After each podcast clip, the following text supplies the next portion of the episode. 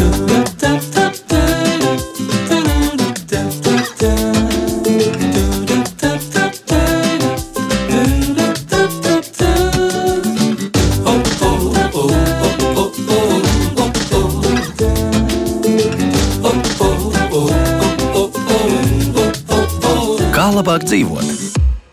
Esiet sveicināti ar jums šajā reizē runā, nu, ne, pareizāk sakot, ar jums kopā ir un ar jums runā Kristiāna Lapiņa. Jūs mani atpazināt, mēs atkal tiekamies.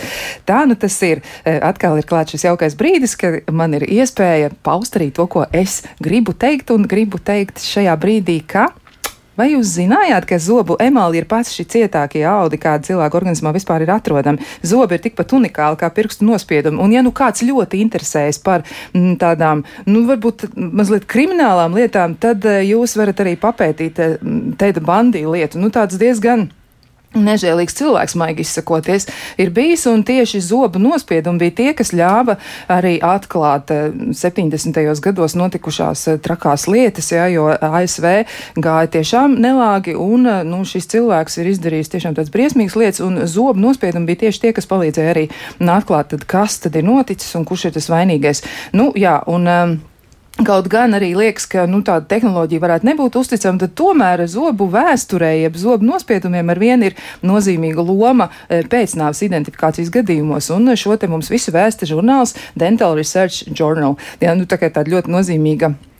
Mm, nozīmīga lieta ir, ir tiešām arī mm, nu, jāzina par šo visu, bet tas nav vienīgais, kas mums būtu jāzina par zobiem. Jo, ja gadījumā kādu zobu nākas zaudēt, tad var arī notikt tālāk diezgan trakas lietas. Jo viena zoba zaudējums var izraisīt nu, tādu kaskādas reakciju, un par to mēs arī šodien parunāsim, kā tad nenonākt līdz šai situācijai, vai arī, ja nu tas ir gadījies, ko darīt tādā gadījumā. Lūk, un eh, tāpēc arī par zobu protezēšanu. Vēl arī gribu teikt, ka šo tematu ir ierosinājuši klausītāji. Mēs no sirds esam viņiem pateicīgi par to, jo laikam mēs nu, kādu laiku par zobiem neesam runājuši. Tāpēc arī šodien mēs to darām darām. Un, eh, nu, tad par zobu protezēšanu. Ja nu klausītājiem arī ir kādi jautājumi, ir kaut kāda pieredze stāsti, kur ir kāds kopsavilkums, droši sūtiet mums. Mēs to arī visu apspriedīsim. Un, eh, Uzreiz arī iepazīstināšu studijas viesiem. Pie mums ir speciālists zobu protezēšanā un estētiskajā zobārstniecībā dr. Bitte Arnolds. Sveicināts! Sveicināti! Vai otrādi varētu teikt Arnolds Bitte. Ja? Un uh, vēl pie mums arī ir šodien ciemos mutes un žokļu un sejas ķirurgs Antons Vostroīlovs. Sveicināts! Labrīt! Nu, varbūt mēs varētu sākt ar to, kas tiešām notiek tad, kad nu, kaut vai tas viens zobs tiek zaudēts. Varbūt ar to var arī, var arī var sākt, ja tas ir tas pats pats sākums. Bieži vien, kad cilvēks zaudē šo vienu zobu, un viņam liekas, nu, tas jau nekas traks nav. Nu, vēl man ir 31. Nu, labākajā gadījumā. Jā, kas notiek? Jā. Nu, pirmais jau mēs pazaudējam lēnām kaulu. Jā, pirmajos trīs mēnešos notiek tāda ātra kaulu rezorpcija. Un, uh, Varbūt vienkāršāk, ja jā, mums pazūd kauls. Jā, jā, jā, mums pazūd kauls, un mums ir grūtāk to zobu aizvietot, ja mēs plānojam nākotnē likt implantu. Ja mēs izveidojam tiltu, jā, tad, tad ir nedaudz vienkāršāk, tad ir vairāk laika pagaidīt. Sākotnēā noteikti var būt kaut kādas problēmas potenciāli. Kāds zobs var noliekties, kāda cita zoba var būt pārslodzē. Um, var, var būt kaut kāda kaskāde. Ja, ja tas nav uzreiz, tad nu, ilgākā termiņā noteikti. Ja, ja mēs uh, to zobu plānojam aizvietot ar implantu, tad uh, parasti kaut kādus nu, sešus mēnešus mēs sakām, jā, ir tas laiks. Nu, atkarīgs, protams, no iekaisuma apjoma, cik milimetru plats ir tas plašs tas iekaisums. Bet mm -hmm. nu, parasti, parasti pirmajos mēnešos lēnām jau jāsāk domāt par to, kā mēs to aizvietosim. Jā. Tas, tas nozīmē, ka varētu nu, sākt domāt par to jau tajā brīdī, kad zobs tiek zaudēts kaut kādiem iemesliem. Es ieteiktu domāt par to pirms tiek zaudēts zobs, tāpēc ka bieži vien mēs zinām, ka tas zobs jau ir eh, nolemts un bieži vien tur ir problēmas pirms viņš vēl sāk sapēt. Un tajā brīdī, kad viņš sāk sapēt, ir bijis pavēlu. Un tad, kad mēs raujam zobu, kas vēl nav iekaisis, mums ir iespēja jau citreiz atrisināt šo problēmu ar, eh, piemēram, zobu implantu, vai kas žogļu ķirurgs ievietoja tos implantus. Un tas ir labākais moments, tāpēc ka mēs varam maksimāli saglabāt tos audu apjomu, smaganu, kas ir smukāk, kas ir ātrāk. Jā, jārunā tuvāk, ja? jā, kas, kas ir ātrāk, kas ir lētāk. Un tā laicīga plānošana ir ļoti svarīga. Bet ne visus zobus zaudējot, mums uzreiz ir kaut kāda ļoti liela reakcija. Nu, Priekšzobs ļoti svarīgs, jā, bet nu, kāds viens zobs pats pēdējais, nu, varbūt nevajag tik ļoti lielu par, ļoti pārdzīvot, un tur var atlikt to, nu, kas sauc augu, un tad vieglāk ielikt vēlāk. Jā, bet nu, priekšzobi viennozīmīgi ir tā estētiska problēma, kas mums rūp un ko vajadzētu nu, ātrāk risināt. Jā, vai nu, piemēram, nu, kožļājumi zobi, kas ir svar, svarīgi, piemēram, 6. un 5.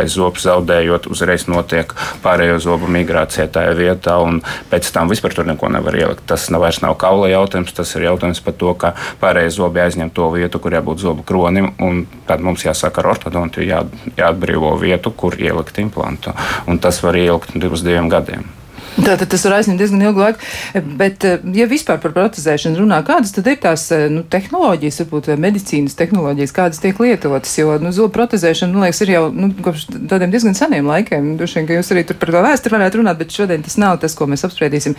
Bet nu, ir mainījušās lietas. Kas notiek mūsdienās, kādas ir tās tendences, ko tad izmanto visvairāk?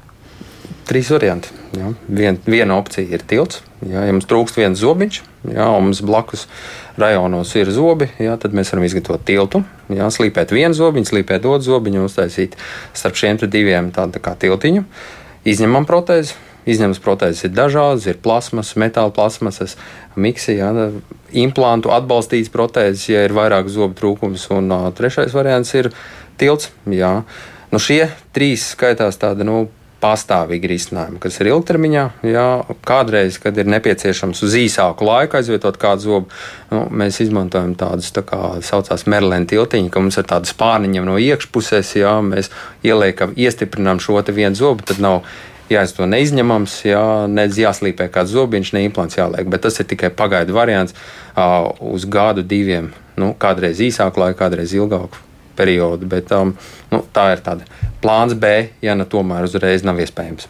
Jā, droši vien, ka cilvēki arī raizēs par to, ka nu, ir jāizņem kaut kas ārā. Man liekas, ka viņi ļoti bieži izvēlas kaut ko, kas nav izņemams, tāpēc, ka nu, tas tiek uztverts kā tāds, nu, ka tā ir mūsu ķermeņa tāda daļa, jā, ja vairākas daļas, un ir, nu, tāda dīvaina sajūta, ka es kaut ko tagad noņemšu nost vakarā un no rīta likšu atpakaļ, un tas noteikti asociējās arī ar kaut kādu vecumu posmu, varbūt, ja, nu, tādas atmiņas no bērnības, ja, ka vecmāmiņa varbūt ir savus zobus visus ielikus glāzītē, nu, kā tad es tagad to darīšu? Un tad ļoti daudz arī stereotipiski priekšstati Jā. E, kā ir ar to, kā, kā, kā tas ietekmē varbūt cilvēku izvēles un kā jūs to saskatāt kā ārsti, vai tas ir um, nu, labi vai izņemam protēzi lielākajai daļai dzīves kvalitāti pasliktina.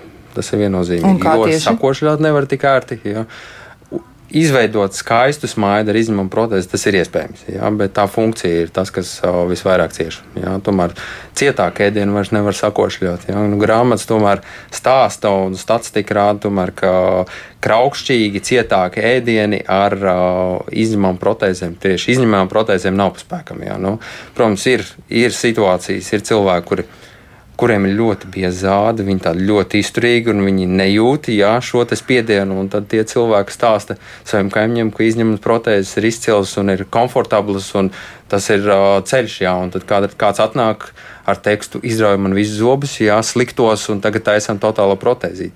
Bet nu, tomēr uh, lielākajai daļai tas ir dzīves kritums, dzīves kvalitātes kritums. Un, uh, ēdienu izvēles, izmaiņas un ilgtermiņa sekas. Tādēļ vienmēr, vienmēr jāapdomā, vai tiešām tā izņemamā protēze būs tas optimālākais. Nu, lielā daļā gadījumu adaptācija vairāk vai mazāk notiek, jā, mēs tomēr pie viskā varam pierast. Tā kā stipri individuāli. Jā.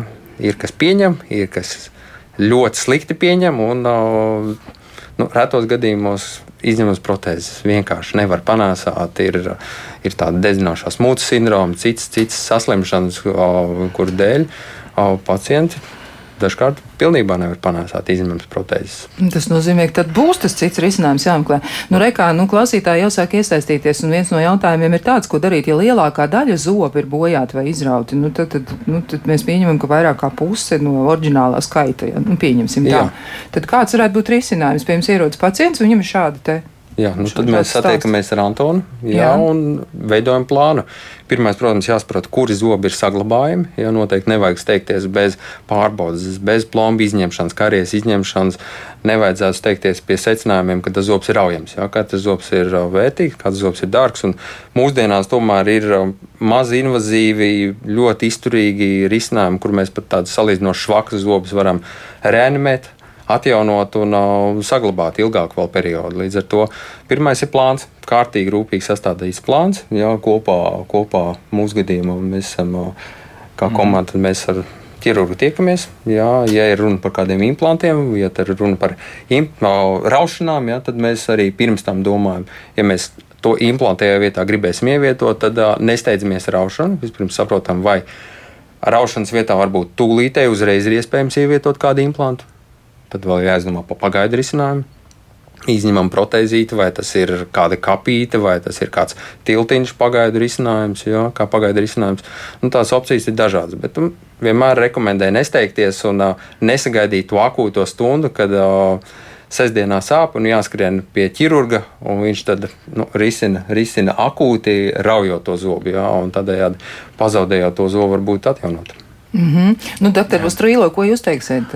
Nu, ja runa par vairākiem sabojātiem zobiem, un ka puse, piemēram, vairs nav, un citreiz patiešām nu, svarīgi pieņemt to pareizo lēmumu, jo uh, tādā ziņā, ka atstājot, piemēram, trīs labus zobus, ļoti grūti atrisināt to, to situāciju mutē. Ja? Tad citreiz vieglāk atrisināt ar visu, visu uz implantiem, kas nav kas nav tas pats, kas zobi. Izņem, pat, pat izņemam vai, vai fiksēt konstrukciju uz implantiem, tas ir protēze.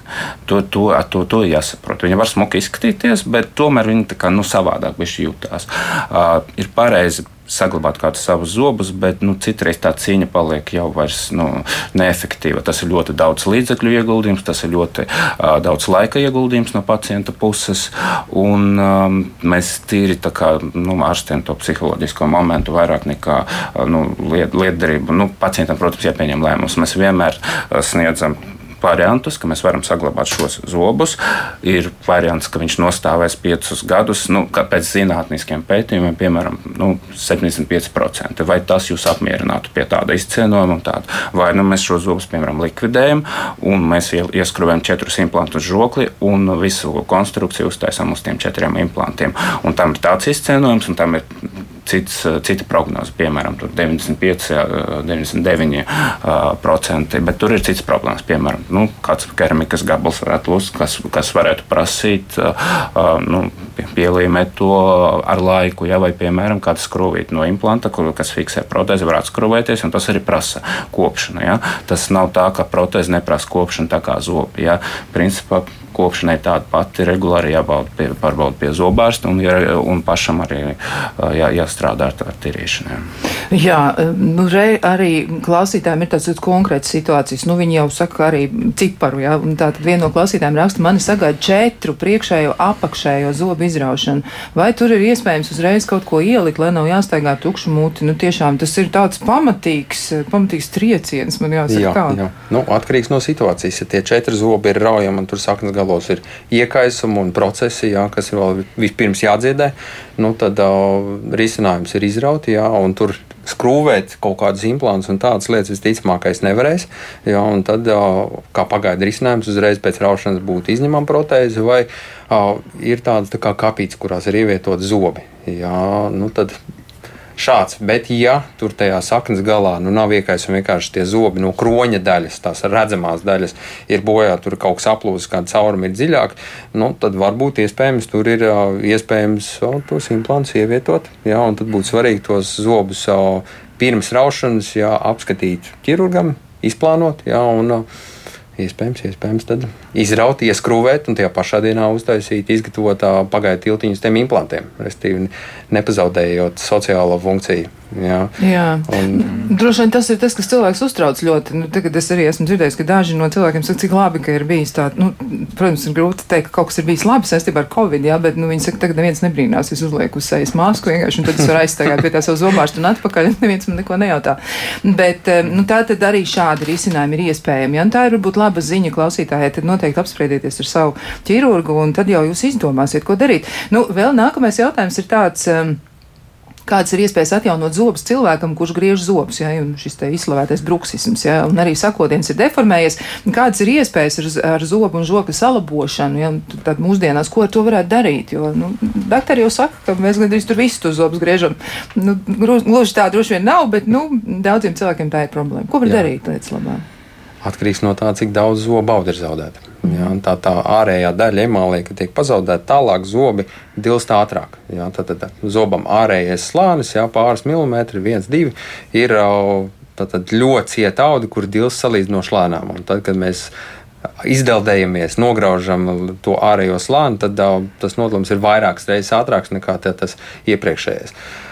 Pirmais mums ir jādiagnosticē, kā, kā tas cilvēks griež, vai tur varbūt ir uh, skābju faktors. Ja nereti cilvēki lieto uzturā, teiksim, citronu ūdeni, kaut ko skābu, kas palīdz uh, progresēt šim ja, nodalumam. Uh, tad, kad tas ir skaidrs, kuros brīžos, vai tas gadījumā varbūt nav paradums dienā, ja, košļiens visas dienas garumā, vai kaut kas tāds, uh, tāda paraduma savilkt to žokli. Ja. Uh, tad, kad mēs to esam sapratuši, tad mēs skatāmies, nu, kādreiz, kādreiz tā ir. Protezēšanu ar keramikām. Kādreiz mēs vienkārši ar plombītēm to atjaunojam. Jā. Pie lielākiem nodalumiem, pie tādiem spēcīgiem šiem te uh, košļāšanas muskuļiem. Uh, Likt plombes lielā reģionā, teiksim, uz visiem zobiem, pacelt sakodienu ar plombēm, ir, ir zināma, tam visam ir zināma bīstamības pieskaņa. Ja, ja ne uzreiz ir kaut kāda problēma, ja, tad uh, ilgtermiņā tomēr tas zobu nodalums uh, var būt. Uh, tā teikt, neveiksmīgs. Jā, tās tā zobu zo, pozīcijas var būt tā, nobīdītākas un varbūt arī ilgākā termiņā potenciāli vēl citas problēmas. Tā kā, nu, tas situācijas daudz un dažādas. Jā, Cilvēks... kā, galvenais ir plāns atkal. Daktars, ar doktoru satiekamies, un viņš izstāsta opciju ABC, viņš jā. piedāvā statistiku, jā, un tad pacients pieņem uh, apzināti lēmumi, kas ir balstīti uz statistiku, nevis tikai tos doktora rekomendāciju, bet nu, ka pacientam ir kaut kāda. Kaut kāda sapratne par to, cik tas varētu kalpot. Ja? Tas ir ideālais variants, kā to komunikāciju vest. Vismaz manā izpratnē, nevis kā es pasaku, kā es darītu savai mammai tikai, ja? bet mm. es arī pasaku tos, tos tīparus, ja? kas ir puslīdz vai tuvu ļoti precīzi. Ja? Nu, es tā varētu izteikties. Jo nu, pētījumi nevienmēr ir ideāli, bet tā, diezgan daudzās poguļos. Nu, tā jau saka, ka katra cilvēka zobu, zobu komplekts ir absolūti unikāls un katram cilvēkam kaut kas savs. Bet vai varētu arī tā būt, ka zobs var, piemēram, bruksismu gadījumā arī saplīst un salūst? Jo, ja es pareizi atceros, tad uz vienu kvadrātcentimetru tas spiediens zaroklim pret zarokli, nu, tiem pamatīgiem zobiem, kas mums pašā galā dzīvojās, ir, man liekas, nu, ja es nemaldos, bija 500 kg kvadrātcentimetru. Milzīgs spiediens. Jā, jā, tā ir. Uh, mūsu gūšies muskuļi visstiprākie muskuļi organismā, un mēs, ja pie nepareizas sakodiena īpaši, mēs varam ļoti daudz ko izdarīt ar zobiem. Mēs, esam, mēs esam redzējuši plīsušus zobus, plīsušus keramiku, plīs implants, kas bija salūzuši, kas, nav, nu, kas ir domāti ļoti lielam spēkam. Un, uh, nu, no, no personīgas pieredzes varu pateikt, man uh, bija viņš nepareizs sakodiens visu mūžu, un es nu, tāpat ļoti nesatraucos. Es negribēju velkt breketes, un uh, tad man sāka pēc 30 gadiem bišķi divas priekšlobē. Es uzreiz uzliku breketes, jūs varat redzēt, es tagad esmu breketēm, jā, un uh, tāpēc, ka es saprotu, ka es negribu atjaunot tos zobus, es labāk laicīgi sakārtoju sakodienu, uh, lai pēc tam man nav, jāstā, nav jātājas kronikas. Mm, nu, es negribu apslēpēt tos zobus. Es zinu, ka tas ir diezgan, piemēram, apakšējiem, apakšējiem priekšējiem zobiem diezgan grūts pasākums uztaisīt ļoti smukus tos kronis. Tādā ziņā varbūt doktors Bita var pakomentēt par to. Jā, jā, jā. jā, jā zinu, ja es drīkst atklāt šo, šo niansi, jā, abi doktori arī paši izmanto jā, ortodontijas pakalpojumus un, un to lietu un domā par saviem zobiem ilgtermiņā. Viņi ir salīdzinoši jauni, jauni, bet nu, tomēr tā plāns jau ir, ka dzīvē jābūt labai un zobiem arī nav jācieš no tā. Jā, nu tad jūs komentārs nekad bija par šo vēl labāk laicīgi domāt par lietām. Mm -hmm. Pavisam noteikti. Jā. Jā. Jā, vēl ir arī pieredzes stāsts, un eh, arī jauki, ka šis mums te ir. Pēc pieredzes vēlos dalīties ar klausītājiem, ka zobu izņemamā platīte ļoti uzlabo dzīves kvalitāti, nevis kā norāda redzījuma viesis pasliktina. Ja? Nu, tas droši vien kā kuram. Jo platīte, jebkurā gadījumā, aizvieto trūkstošos zobus, uzlabo estētiku, un platīts ir krietni lētāks prieks nekā neizņemamās protēzes. Nu, te laikam ir droši vien jādomā arī par to finansiālo aspektu, tas jāmēģina salāgot, vai ne? Nu, tā kā iespējas, un, un uh, mēs mazliet arī pirms raidījuma sākuma apspriedām ar viesiem, vai ir iespējams, nu, arī finansiāli saņemt kaut kādu, zinām, tādu tā kā atvieglojumu, mēģinot ilgtermiņā risināt. Izskatās, ka ir arī tādi finansētāji, kas iesaistās šajā procedūrā, ja procesā, ja pašas klīnikas nefinansē ilgtermiņā, termiņā šo te visu tātad klīnika grib saņemt par savu pakalpojumu atlīdzību uzreiz, bet iespējams ir arī risināt dažādi, nu arī zobu protezēšana, implantoloģija, ja droši vien tas, tas tiešām nav lēti. Cik es zinu, no Stomatoloģijas institūtā mēs varam, varam uztaisīt ārstēšanas plānu un ar aptuvenam izmaksām, un tad pacients var aiziet uz kreditēšanas iestādi un, to, un paņemt par patēriņu kredītu šai ārstēšanai. Tādā veidā tiek nodrošināta iespēja samaksāt pa daļam. Ja? Bet arī jāsaprot, mēs citreiz pasniedzam ārstēšanas plānu, kas, piemēram, ir nu, ļoti liela summa. Nu, 5-10 tūkstoši eiro. Bet tā ārstēšana notiek pa posmiem. Un jāsaprot, ka tas ir piemēram pirmā, pirmā summa. Ir, 10% no šī mēs samaksājam, tur ieskrūvēt implantus. Jā. Pēc kāda brīža vēl kāds.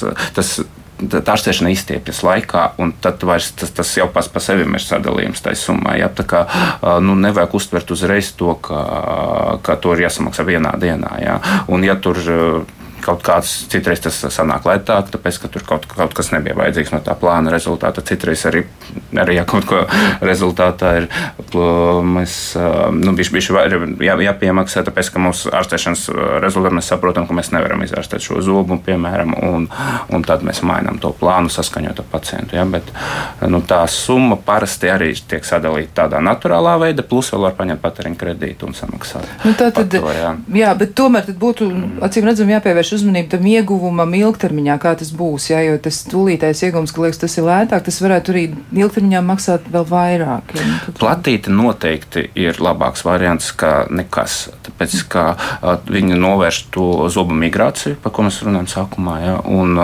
un atļauj pacientam socializēties un smaidīt un arī kaut kā atgriezties dzīvē. Un nevienmēr tas ir sliktums. Jā.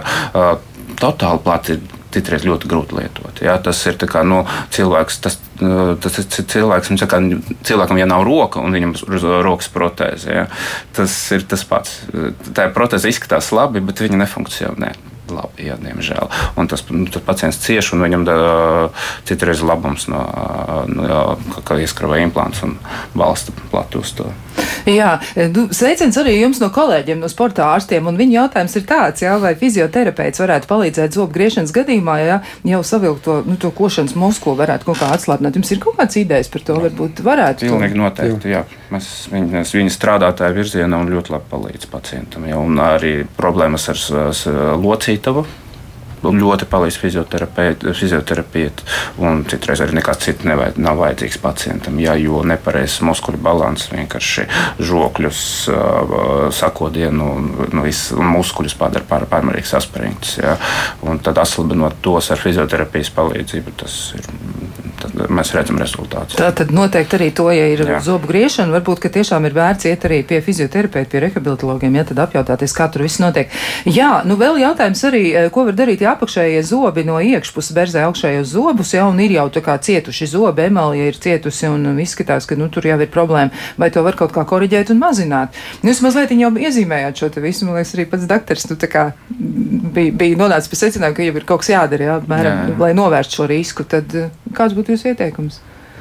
Ja, ja berzējās, jā, nu tā kā apakšējie zubi, viņi jau ir, jau ir, es tagad nezinu, kā lai šo salīdzinu. Jā, apakšējie zubi ir tiešai sakodienā ar augšējiem, tas, tas nozīmē, ka tas ir trešas klases sakodiens un ka tur pirmkārt būtu tomēr jāpakonsultējas ar ortodontu un jāsakārto to, lai augšējie zobi pārklāja apakšējos. Jā, ja nu, tas, tas ir traumatiski sakot. Ja tas ir traumatiski sakot, tas tieši tas, kas man bijis, un tas, tas tieši tas, ko es tagad mēģinu ārstēt jā, ar uh, breketēm. Bet jūs teicāt, trešās, trešās klases sakotienes, tas pareizi? Trešās klases sakotienes, tas ir, kad apakšžoklis ir bišķu pat daudz izvirzīts uz priekšu, un tas varētu būt nemanami sejā, bet tas zobos var redzēt, ka zobi griežās šķauta pēc šķautuma priekšējā zobi. Ja, tas jau ir pazīme tam, ka vajadzētu meklēt ortodonti. Bet kādi vēl ir tie sliktie varianti?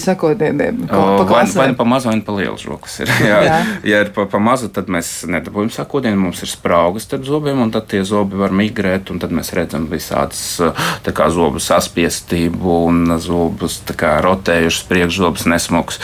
Un, uh, tas nav stabili, tāpēc ka augšēji nekoš pret apakšējiem. Jā, nevar no, no, nokost arī burkanu, piemēram, jā, un arī var saistīties ar maziņu zodu, un tas ir visbiežāk ortodon, ortodontiskā patoloģija. Latvijas populācija vismaz jau otrā klase. Un, nu, normāl, nu, normāls sakodiens, kas nav nav normāls ne, nevis tāpēc, ka viņš ir visiem, bet tāpēc, ka viņš tā skaitas ideāls. Īstenībā tas tā norma nav tik bieži sastopama. Ja? Un tas ir pirmā klase, kad nu, augšējie zobi pārklāj pa, nu, pa trešdaļu apakšējos zobus un kontaktē, ka pie pilna zobu kontaktē. Ja? Tas, tas skaitas ideāls sakotiens. Ja? Nu, re, kā. Vēl arī jautājums, ja jau man ir zobu plate, bet ir izkrits vēl viens zobs, ja? vai tas nozīmē, ka jātaisa jauna plate? Visbiežāk tomēr var pievienot to papildus zobiņu. Protams, var plates kvalitāte varbūt nav o, tāda, kā bija sākotnēji. Nav tik, tik stabila, tik ērta, bet o, lielākoties tas ir iespējams. Un, o, Tur ir nepieciešams nospiedums, jā, neliels nospiedums, 50 minūšu vizīte, un tad jānodod zobu tehniķiem. Tehnicis pievieno šo zobiņu un um, zobārs nodod. Jā, visbiežāk var. Jā, ir situācijas, protams, ka nevar, bet uh, ir situācijas, kad uh, rau, raušanas procesā tiek pazaudēts daudz kaula un ir bijis liels iekaisums, un tā platī jau tā ir sena un uh, neprecīzi. Jā, un tad, tie remonti ir nu, tādas lāpīšanas. Nekas kvalitīvs galā nesanāk, bet vismaz pagaidu risinājums arī sanāk. Jā, nu tā tad jādomā laicīgi par šo visu. Izskatās, ka jautājumu ir diezgan daudz un nāk ar vienu klāt. Mēģināsim uz tiem visiem arī atbildēt, bet nu, šis ir mirklis, kad mēs varam nedaudz atpūsties un padomāt par saviem zobiem.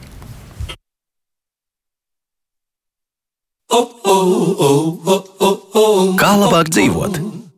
Turpinām sarunu par zobiem un par to, ko darīt, ja kāds no zobiem tomēr nu, dzīves laikā ir zaudēts kaut kādā nu, dažādu iemeslu dēļ. Tas varētu gadīties. Tikpat labi arī var būt tā, ka cilvēks nodarbojas ar sportu. Nu, es skatos ar nu, zināmām tādām bažām kādreiz jau uz hokeistiem. Es arī atceros eh, maijā ja notikušo spēli. Tur bija viens tāds ļoti, ļoti grūti izturams moments, ja, ka bija trauma un acu mirklī zobs tika arī izrauts no žokļa. Sportistam ārā tas bija diezgan briesmīgi. Ne, var, nu, tad, tad, tad, protams, ir kaut kā jārisina diskusiju. Nu, mēs arī šīs lietas mēģinām šodien izpētīt.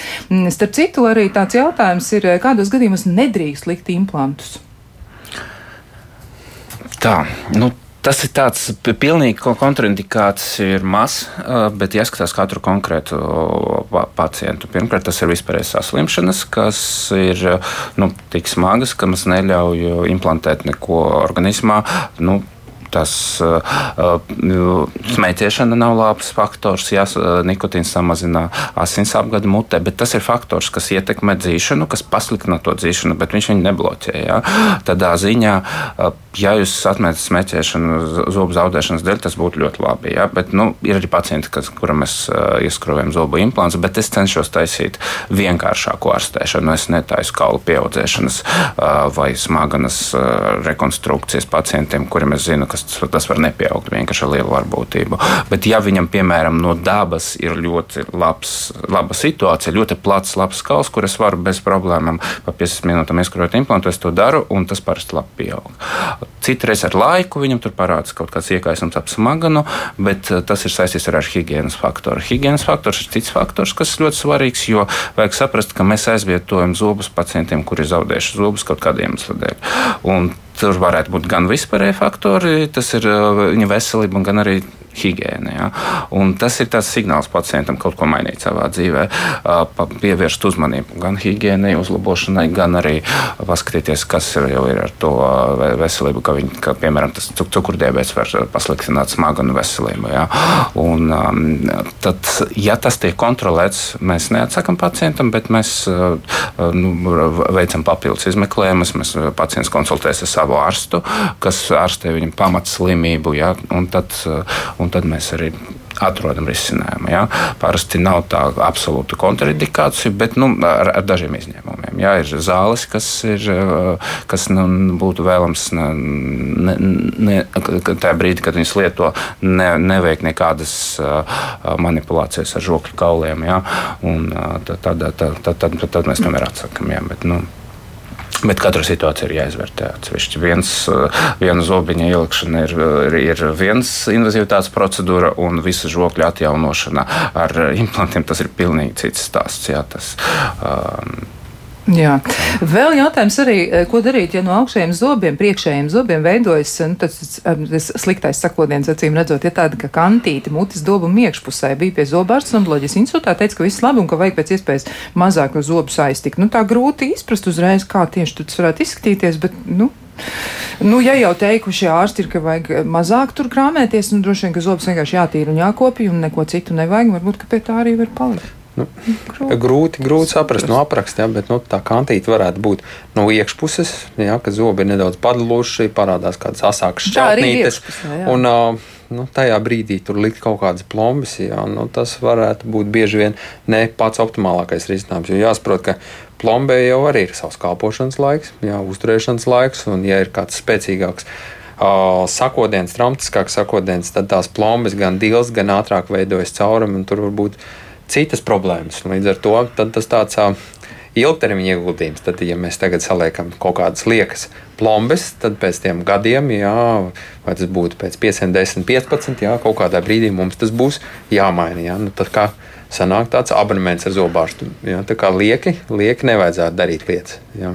jā. Vēl jautājums ir, ir zaudēti visi zobi. Nu, žēl, bet tā ir noticis. Vai ir iespējams saglabāt līdzinējo augšējo protēzi, apakšžoklī likt implants uz tiem protēzes? Pašreizējā ir tāda ļoti nestabila. Jā, nu, te ir jautājums arī, ar kādu summu būtu jārēķinās. Nu, to laikam mēs nevarēsim nekā e, nu, pateikt un definēt, kāda summa tā varētu būt. Tas ir absolūti nu, neatbildāms jautājums. Bet e, vai var saglabāt līdzinējo augšējo protēzi un tad, pieņemsim, apvienot to ar implantiem? Kā, kā jūs uz to skatāties? Jā, jā. teoretiski jā. Jā nu. Teoretiski, ja tā protēze ir apmierinoša kvalitāte. Nu, jāsaprot, ka, te, ja augšā ir totālā protēzīte un apakšā ir jāizgatavo protēze kaut kādiem implantiem, ka tā, tas vājais posms būs tā augšējā protēze. Jā. Nu, bieži vien, ja ir divas totālas protēzes, tad apakšējā ir tā nestabilā, kustīgā, nērtā. Un, no tās mums ir visvairāk problēmas. Tad, nu, ja mēs ieliekam tos implants, nu, tad mēs varam gaidīt, ka tā augšējā varētu potenciāli radīt. Bet, nu, nu, no situācijas, protams, ir atkarīgs. Jā. Tā kā nu, visbiežāk jau Visbiežāk jau totālā protēze uz teiksim, diviem implantiem ir tāds konstrukcijas veids, nu, uzlabot diezgan to dzīves kvalitāti. Jā, jo tā protēze mazāk šūpojas, mazāk staigā. Ja augšējā protēze virsmas laukuma ziņā nu, ir gana, gana plaša un piesūdz, tad apakšējā īstā jau nepiesūdz. Mēs viņu pieturam ar vaigiem, muskuļiem, ar mēlu. Tā ir tāda nedaudz muskuļu atmiņa, cilvēku adaptācijas spēju atspoguļojums. Jā, jo, kā iepriekšējā klausītāja teica, ja, nu, ir ļoti labi un ir tiešām ērti. Ir tādi cilvēki, un ir, kuriem ir ļoti grūti. Tā kā stipri individuāli. Jā, ir arī cilvēki, kuriem ir grūti, jo viens no klausītājiem tā arī raksta, ka viņš lieto zobu mīksto platīti, ļoti grūti ir pierast, viņš lieto protēžu līmi, un tāds viņa jautājums ir, kur tad nedaudz tad fatāli nocieskanās, vai visu mūžu būs tam jāgatavojas, ja tā kā, nu, ar to būs jānoņems, ja, jo visu laiku ievietojot platīti, tad dedzinoša sajūta mutē, un varbūt arī tā varētu būt kāda alerģiska reakcija, un klausītājiem ir jautājums par to, varbūt arī tā tiešām ir, nu, ka nevar jā, nekā. Tas ir potenciāls, jā. jā. Nu, Dažkārt gadās, ka tomēr ir tās alerģiskās reakcijas, dažkārt tā ir vienkārši jau novecojusi neprecīza protēze, kas kaut kādās vietās bež un novada līdz čūlām. Jā, tas arī var imitēt, radīt šādu sajūtu, jā, ka kaut kas dedzina. Nu, kādreiz ir tas jau iepriekš izskanējušais dedzinošās mutes sindroms. Jā, mhm. Tās situācijas dažās, jāvēršas pie doktora, un tad jau viņš arī pateiks. Jā kā, ja ir veca protēze, tad ir jau vēlams ik pa laikam viņu tomēr pamainīt. Jo jāsaprot, ka kauls pēc zoba raušanas, jā, viņš atrofēs, viņš pamazām samazinās. Jā, un tās totālās protēzes, tur 11 gadus, 20 gadīgās protēzes, nu, viņas, protams, var būt mutē, un ir cilvēki, kuriem tās adaptācijas spējas ir tik, tik labas, ka viņi pieņem, bet ļoti bieži tomēr tās vecās neprecīzās protēzes liek atkāpties kaulam un pasliktina nākotnes protēžu kvalitāti. Ja, tā kā pārāk ilgi ar vecām protēzēm nevajadzēs teikt. Tas tur nav runa šobrīd par gadu, diviem, trim vai ik pa pieciem. Nu, tas, tas ir ilgāks termiņš, tur septiņi, varbūt desmit. Bet nu, ik pa laikam ir jāpamaina. Nu, tad mūžīgi, mūžīgi nebūs. Ja, mūžīgi nebūs tā, Bet tik pa brīdim to pašu protezi var ar, ar par, pārbazēt jaunai situācijai, kas adaptētu viņu, un tas uzlabo kvalitāti. Labi, e, mums ir arī klausītājs zvani. Nu, ir tas mirklis, kad mēs varam uz tiem mēģināt atbildēt. Mēs klausāmies, lūdzu. Labdien! Nu, tas ir labi, zobi jāuzpasē, jā, tas skaisti runāšanas veidā jāiet. Bet jā, apkopēji strādā, jā, par apkopēju cilvēks strādā divi skolnieki jāblombē zobs, ir aiziet pie doktora blombēšana, ja vēl kanāls jātīra, nu, tad tur jārēķinās 80 eirikiem. Priekšējā zoba izraušana 50, lielā dzerokļa izraušana uz augšu un dzerokļa izraušana 150 un uz augšu. Tad kā tad cilvēks var, kas saka, laicīgi un kaut ko izdomāt, viņam nav ko mutē likt, un kur tad vēl pa veselību. Un tā daudzi saka, ielaistas slimības. A, kāpēc viņas ir ielaistas? Tāpēc, ka visam ir uzpūstas cenas. Paldies par jūsu komentāru. Jā, nu tad eh, mēs saprotam, ka tas noteikti finansiāli vienmēr varētu nebūt tik viegli, bet te ir arī tā otra puse, man liekas, tas ir par profilaks un par to, cik ļoti mm. daudz mēs esam domājuši. Man vien pazīstams zobārsts, viņai ir tāds ļoti jauks apzīmējums, nu, kas varbūt pēdiņās ir jauks. Viņš saka, mm, ka, nu, ka, ka mm, daļa no iedzīvotājiem ir tā saucamās padomju zobārstniecības upuri. Tā tiešām ir, bet eh, jau labu laiku ir pieejami citi līdzekļi, citas kvalitātes līdzekļi zobu kopšanai. Mēs arī zinām, kā vajadzētu rīkoties, un arī viens no klausītāju jautājumiem bija par to, un arī tāda piezīme, mm, nu vai e, šī te kopšana nav mainījusies jau, vai tā vecā labā metode, ja divas reizes mazgā skalo un lieto zobu diegu, jā, vai tas joprojām darbojas, vai zobu skalošana ar alkoholu vai, vai, vai kā citādi, ja tā, nu, tad, man liekas, viņi tā diezgan agresīvi nevajadzētu skalot katru reizi to, un vismaz es tā atceros, ka tā nevajadzētu ar arī. alkoholu noteikti. Noteikti, nē, jā, nu, alkohols saturošiem skalotiem līdzekļiem nevajadzētu, ja. Un vai viņi, jautājums ir, starp citu, vai tas bojā plombas un citus arī tādus ievietotus kaut kādus objektus, implantus, piemēram, vai tad, ja ir implanti ievietot izmantot, vai tur ir kaut kāda specifiska kopšana, ko noteikti nedrīkstētu darīt? Jūs teicāt par smēķēšanu, ka to varētu atmest, tas labs iemesls, bet varbūt vēl kaut kas. Ar implantiem ir sava specifika, un to parasti iemācās higiēniski. Tur bija savādāk jāliek zobu tieksiem uh, pie implanta, bet princips ir nu, gandrīz tas pats. Ja? Nu, pirmkārt, tilta konstrukcijas uz implantiem nav iztīramas ar zobdieku, jo nav zobu starpa. Tad ir jāiegādājas zobdieks ar pastiprinātu galiņu, vai nu jālietos starpzobu birstīte maziņa tāda. Un, jā, bet tā pārsvarā higiēna ir vienkārši fiziska higiēna, veci laba zobbirsta un uh, zobu tieks ar tām modifikācijām. Nekas nav mainījies. Nekas ja? nav mainījies. Nu, implantiem tomēr tā uzturēšana ir roku rokā labā sadarbībā ar higiēnistu. Tas ir ļoti Jā. svarīgi, jo implantiem tomēr dažkārt tās patoloģijas, tos mazos iekaisumus tik labi var nesijust. Tādēļ tas reizi gadā vai reizi pusgadā, ja, neatkarīgi no tā, vai tas zobakmens kārtīgi ir uzaudzis vai īsti nav pat uzaudzis. Ja, tomēr pie higiēnista būtu jāvērš un būtu jākontrolē. Ja. Jā, ir vēl nākamais klausītājs zvans. Mēs klausāmies, lūdzu. Sakat, lūdzu, jautājums ir par tādu kā protefiksu un šiem šiem krēmiem, ja neturās arī teiksim, mazam vienam zobam, ieliek šeit, šis priekšmets, kā labāk lietot un, un, un attiecībā uz šiem krēmiem un līmēm. Paldies par jautājumu. Jā, nu kā tad ir ar tiem krēmiem un līmēm? Nu, tas... Jā, nu, lietot var. Jā. jā. Noteikti var. Nu, galvenais princips būtu noņemt iepriekšējo veco līmi. Jā, kārtīgi viss notīrīt, jā, iztīrīt ja ir iespējams, vai izskalot muti un tad izmantot to krēmu. Situācijā, kad tā protēze jau ir pagalam neprecīza, ja, nu, tad tā līme var pieturēt, bet nu, tādu pilnu funkciju uh, nu, neizpildīs. Tāpat tā protēze kustēsies, tāpat staigās un tāpat kaut kādās vietās to kaulu un gļotādu biedēs prom dzīs uz augšu, un tā protēze vairs tik labi neizskatīsies. Uh, tās, tās protēžu līnijas ir gadu desmitiem pētītas, skatītas, vērtītas. Kā, nu, es varu teikt, ka jā, nu, var, var, var droši lietot no rīta līdz vakaram. Nu, es neredzu, neredzu kaut kādus ierobežojumus um, lietošanā. Labi, nu tad vēl viens klausītājs zvans. Mēs klausāmies, lūdzu. Jā, cilvēkam pēc insulta vienā pusē, gan rokai, gan kājai, ir traucējumi. Un līdz ar to arī tā mutē, mm, protēzē, tur var, protēzē var likt līmi vai nē, bet viņa neturās. Tur ir kaut kādi, nu, es nezinu, cilvēks nevar pāriest. Ko, ko tur var ieteikt? Paldies par jautājumu. Jā, tāda ļoti nu, sarežģīta situācija. Ko darīt šādā gadījumā?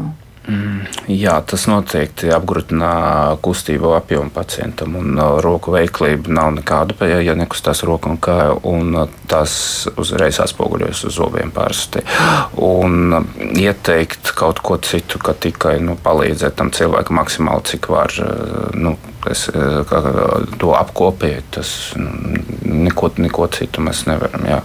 Nu, tā maksimāli vienkāršāk to ārstēšanu, lai ir, nu, un tad, tad lai, lai, lai vieglāk arī iztīrīt. Ja es domāju, šai gadījumā, piemēram, ja tur ir iet runa par protezēšanu, mums labāk izvēlēties izņēmumu, ko var izņemt, iztīrīt un ielikt atpakaļ mutē. Tas ir vienkāršāk nekā zobdiegumu mēs šai gadījumā nevarēsim pielietot, diemžēl. Jā, tad, tad ļoti, jā. ļoti jāpalīdz jā. cilvēkam. Ir vēl kāds klausītājs zvans. Mēs klausāmies, lūdzu. Halo. Jā, mēs jūs dzirdam. Labrīt, beidzot. Nu, kas piedodiet par muļķīgu jautājumu, vai man, man ir jautājums par zobiem, nu, tā kā par matu pieaudzēšanu. Nu, tas ir tā. Es gribu vienkārši ātri ar savu pieredzi. Es jau pieklājīgos gados, jau, jau teiksim, man bija ļoti slikti zobi. Kaut kādas saknes tur, tur bija. Bet galvenais jau ir sameklēt labu zobārstu, teiksim, kas, kas ar tām lietām nodarbojas. Un, nu, man, man tur ir gan implanti, gan vienkārši kroņi. Tas bija gada garumā, gan ap, apakšējie, gan augšējie zobi. Nu, jau būs rudenī seši gadi, un es pat aizmirstu, ka tie, vairs, ka tā, tie nav mani īstie zobi. Protams, zobi ir jākopj. Nu, par tām cenām nu, es vēl ieskra, ies, ielecu pēdējā vilcienā, kad es 25% no tā visa e, teiksim, summa bija, protams, liela. Eh, bet dabūju atpakaļ. Nu, tagad, diemžēl, vajag laikam vākt parakstus, lai atgriežtu to, ka par visu, teiksim, par zobārstniecību samaksātā summa, kā tas bija gadu gadiem, nu, kompensē no visas summas, nevis no kaut kādiem 600 eiro. Paldies! Jā, labi. Mēs noteikti mēģināsim arī šo ierosināt. Un es domāju, ka tur nu, lietas jādara. Ja kaut kas jau jāmaina ir un eh, tiešām zobi mums ir vajadzīgi. Un arī, nu, kā tad mēs bez tiem zobiem, tur jau arī viss cits veselības kaut kādas eh, problēmas varētu parādīties.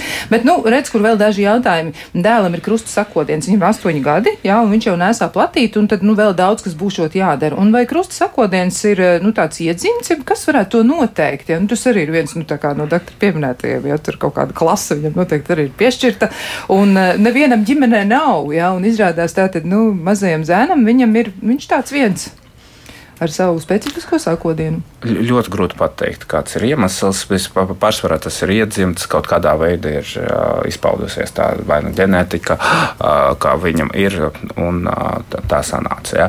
Bet, nu, ja es to redzētu jau tagad, tad būtu ideāli, protams, iet pie ortodonta un kaut kādā veidā paplašināt, piemēram, augšžokļa.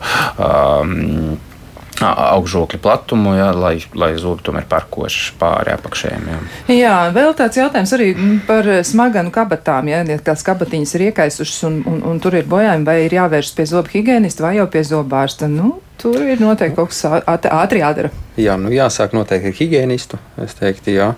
Atkarīgs, protams, no kabatu dziļuma. Jā, tās kabatas ir ne briesmīgi dziļas, ja, tad noteikti higiēnists varēs tikt turklāt, varēs iztīrīt un varēs palīdzēt. Un, ja higiēnists redzēs, ka uh, tās kabatas ir tik dziļas, ka šī šis higienis jau vairs netiek galā, ja, nu, tad viņš noteikti nosūtīs pie periodontologa. Ja, tad smaganu, smaganu speciāli smaganu un kaulu iekaisumos periodontologs ļoti, ļoti palīdz. Ja. Tā kā dažkārt, dažkārt gadās, ka pacienti nav dzirdējuši par šiem speciālistiem, bet viņi dara ļoti, ļoti labu darbu. Jā, vēl tāds jautājums par vecuma ierobežojumu implantiem. Vai to var arī darīt 70 gados? Hmm. Es pirmdien pierakstīju uz implantāciju 85 gadīgu. 85 gadīgu pacientu. Absolūti izcili. Nu, reklausītājs. Un esmu līdzis arī 83 gadīgam pirms tam. Jā. Tā kā tas, ja pacients ir labā, nu, kontrolējam visas savas slim, slimības, kas noteikti jau būs to vecumu kaut kādas. Ja, un, jūtas labi un viss, tā, tā, tas ir izdarāms. Bet, nu, maksimāli vienkārši ārstēšana, bet uh, tas ir izdarāms. Jā. jā, nu, skatoties uz to, cik ļoti strauji izsīks laiks, mums ir tā jākāpina temps, un tāpēc arī tad, uh, varbūt tā arī darām tādas ļoti īsas atbildes. Ko darītu ārstiem, mutē palikuši būtu tikai 10% zobi, daži dzerokļi, daži priekšzobi? Nu? Hmm. Atkarīgs. Nu, jā, jā. Nu, atkal izņemam protēzi vai implanti. Jā, 10% tas ir diezgan mazs, mazs skaitlis. Jā, un, tas ir 3. Jā, jā, jā, jā nu, mazs skaitlis. Jā, man grūti iet, iet, ieteikt tādu precīzi, kas būs labākais tieši šai personai. Labi, nu, tur individuāls plāns droši vien tomēr jāveido. Jautājums par to, vai izņemamās protēzes var izsaukt pastiprinātas iekalošanos, vai tā varētu būt? Mm -hmm. Jā, tas ir, tas ir potenciāli jā, iespējams. Vismaz startā, jā, īpaši ja nereti pacienti norāda, ka ir tāds svešķermenis un ir tas iekāla daudzums tomēr nedaudz palielināts. Jā, vēl starp citu arī par to, ko var dabūt atpakaļ. Jā, var dabūt joprojām tos pašus 25%. Jā, tā kā, nu, pilnīgi droši, ja iesniedziet arī savus maksājumu čekus un jums atmaksās daļu no naudas, pilnīgi noteikti arī šobrīd. Mēs vairāk runājam par to, ka varbūt tā, nu, tā daļa varētu būt vēl lielāka, ja tas būtu tā, kas varētu ļoti atvieglot cilvēkiem dzīvi. Nu, vēl tāds ļoti īsts komentārs par to, par zob, zobārstniecības turismu. Jā, viens no klausītājiem raksta, ka mm, zobu implanti, nu, piemēram, Turcijā ir ievietojami, jā, vai arī kādā citā valstī, jā, un tur relatīvi sanāk lētāk kā Latvijā. Ko jūs varat eh, nu, pateikt, kāda ir jūsu novērojuma? Varbūt ir jau kāds to izmantojis, un kas ir tas jūsu secinājums par šo? Nu, mēs paši, kā pakalpojumu sniedzēji, esam zobārstības turistiem. Pārsvarā mūsu ārvalstu darbiniekiem, ka, kas aizbraukuši uz īriju, uz Angliju, viņi brauc visi ārstēt zobus Latvijā. Un tas situācijas citreiz ir vienkārši atrisinamas, bet tikko kaut kāda nianse, kaut kāda problēma, viņam ļoti grūti strādāt. Tāpēc, ka viņi zvana tev no Londonas un saka, man ir kaut kas ok, nu, te ej Londonā ārstēties, tāpēc, ka es, nu, es, neko, es nevaru atbraukt uz Londonu. Ja? Un es ieteiktu tomēr ārstēties dzīves vietā, tāpēc, ka tas atvieglo vis, visas nianses, kas ārstēšana var parādīties, kas nav vienmēr paredzamas. Un, Es nezinu, vai tas ir tik ļoti izdevīgāk. Ja, tāpēc, ka pa vienu dienu visu mutu izārstēt, kas ir uzkrājis pat 30 gadiem problēmas, nu, parasti nav iespējams. Jā, vai neregulāri rēsājot zobu plati var rasties problēmas, un kā ar laiku tā varētu arī nederēt? Nu, tad ielikt, neielikt. Jā, jā, jā, tomēr zobi, zobi maina savu pozīciju pastaigā. Jā. Tā kā ja kādus mēnešus vai pat mēnesi neieliekam to protēzī, tad uh, pirmajā brīdī daļa, daļai cilvēku nu, to protēzi grūti ielikt, kaut kur spiež kādu zobiņu, jā, un daļa pacientu vairs pat īsti nevar vairs ielikt. Tā kā, nu, ja protēzi izgatavot, tad tā ir jānāsā. Nu, tā nu tas ir, ja mēs jā. gribam, lai tā kalpotu. Jā, nu, kaut arī mēs atceramies no vēstures, ka ēteru narkozi savā ziņā var teikt izgudroja tieši zobārsts, un es neatcerēšos precīzi viņu uzvārdu, bet mēs viņam varam pateikt paldies, bet tomēr ir situācijas, nu, ka cilvēkiem neklājas tik viegli, un jautājums ir šāds, kā izraut zobu, jo organisms nepanes pretsāpju zāles, un tas ir pat līdz samaņas zudumam, ja tā tad ļoti, ļoti izteikta reakcija. Ko tad darīt? Doktor, jums ir tāda situācija bijusi, ka pacientam nu nelīdz nekas, nu nevar. Par, pārsvarā 90, nezinu, cik procentu konkrēti, bet nu, lielāka daļa to pacientu ir psihogēnas reakcijas. Tas ir no, no stresa, no bailēm. Ja? Un tad mums pienākums ir menedžēt to stresu. Mēs, mums, nu, man konkrēti mūsu nodaļā ir pieejams anesteziologs, kas to pakontrolē, ievada zāles vēnā, kontrolē asinsspiedienu un pacienta sirdsdarbības ātrumu. Ja? Tad, tad tas parasti tiek nomierināts. Tādi pacienti, kas nekur neko nevarējuši darīt, ar anesteziologa palīdzību pēc divām, trim reizēm var mierīgi iet pie zobārsta tālāk. Jā, un pēdējais jautājums. Vai elektriskās zobu birstas ir efektīvākas par parastajām birstēm? Nu, ja labi tīra, tad ar jau jebkuru metodi var labi iztīrīt. Jā, vienkārši ar elektrisko daļai pacientu ir nedaudz ērtāk, jā, jo tomēr ar parasto birstīti tīrot, tā ir zināma muskuļu atmiņa. Ja kaut kur nesanāk iztīrīt, tad ar to parasto birstīti nesanāk tajā konkrētajā rajonā. Jā.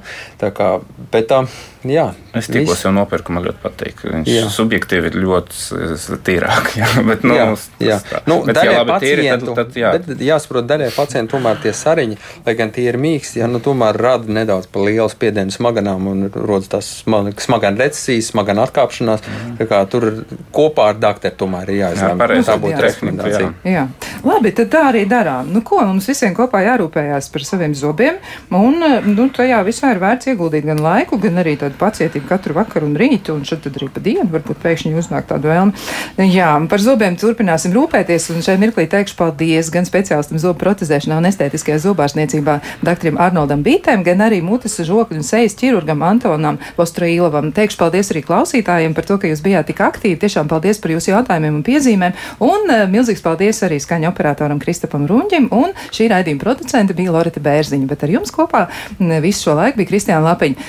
Rīt, rīt jūs dosieties nelielā ceļojumā, bet kur un uz kurieni, to tomēr es iesaku rīt pašiem papētīt un klausieties raidījumu rīt no paša rīta. Tas būs tiešām ļoti jauki. Lai jums skaista diena un tiekamies atkal kādu citu reizi.